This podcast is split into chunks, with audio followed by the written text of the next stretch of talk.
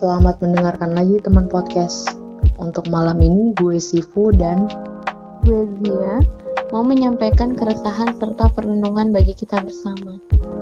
Semoga dengan ini kita bisa saling menghargai sebagai perempuan dan terlebih sebagai manusia.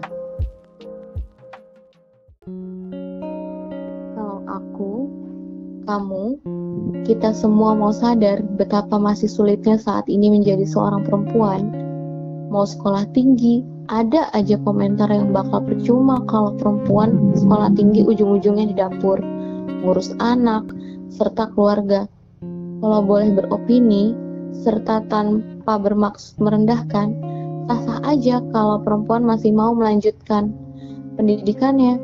Mengurus anak bukan sekedar kasih dia makan, terus sekolahin di tempat yang bagus, tapi juga pola asuh ibu yang akan menjadi madrasah atau guru pertama untuknya di rumah.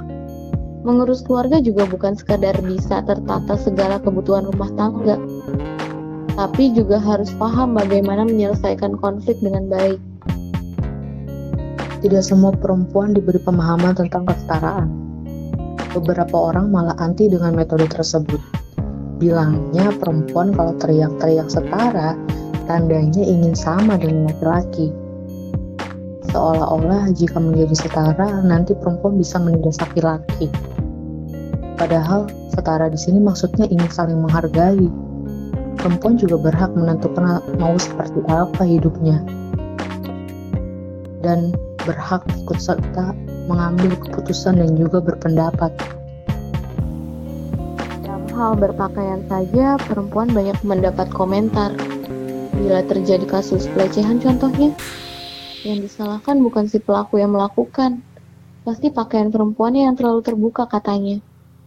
Padahal ada beberapa orang yang sudah benar-benar pakaiannya tertutup, tetap aja ada yang kena pelecehan juga. Jadi bagaimana?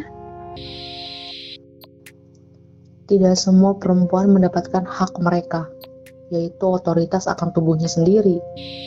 Tidak semua perempuan punya partner yang menghargai kesetaraan dalam rumah tangganya. Tidak semua perempuan punya partner yang juga mau memikul beban mengurus anaknya.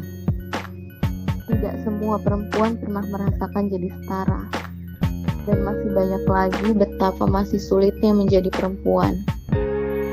Meski banyak pahlawan perempuan yang telah memperjuangkan hak-hak perempuan, tapi sampai kini belum sepenuhnya perempuan benar-benar mendapatkan haknya sebagai manusia.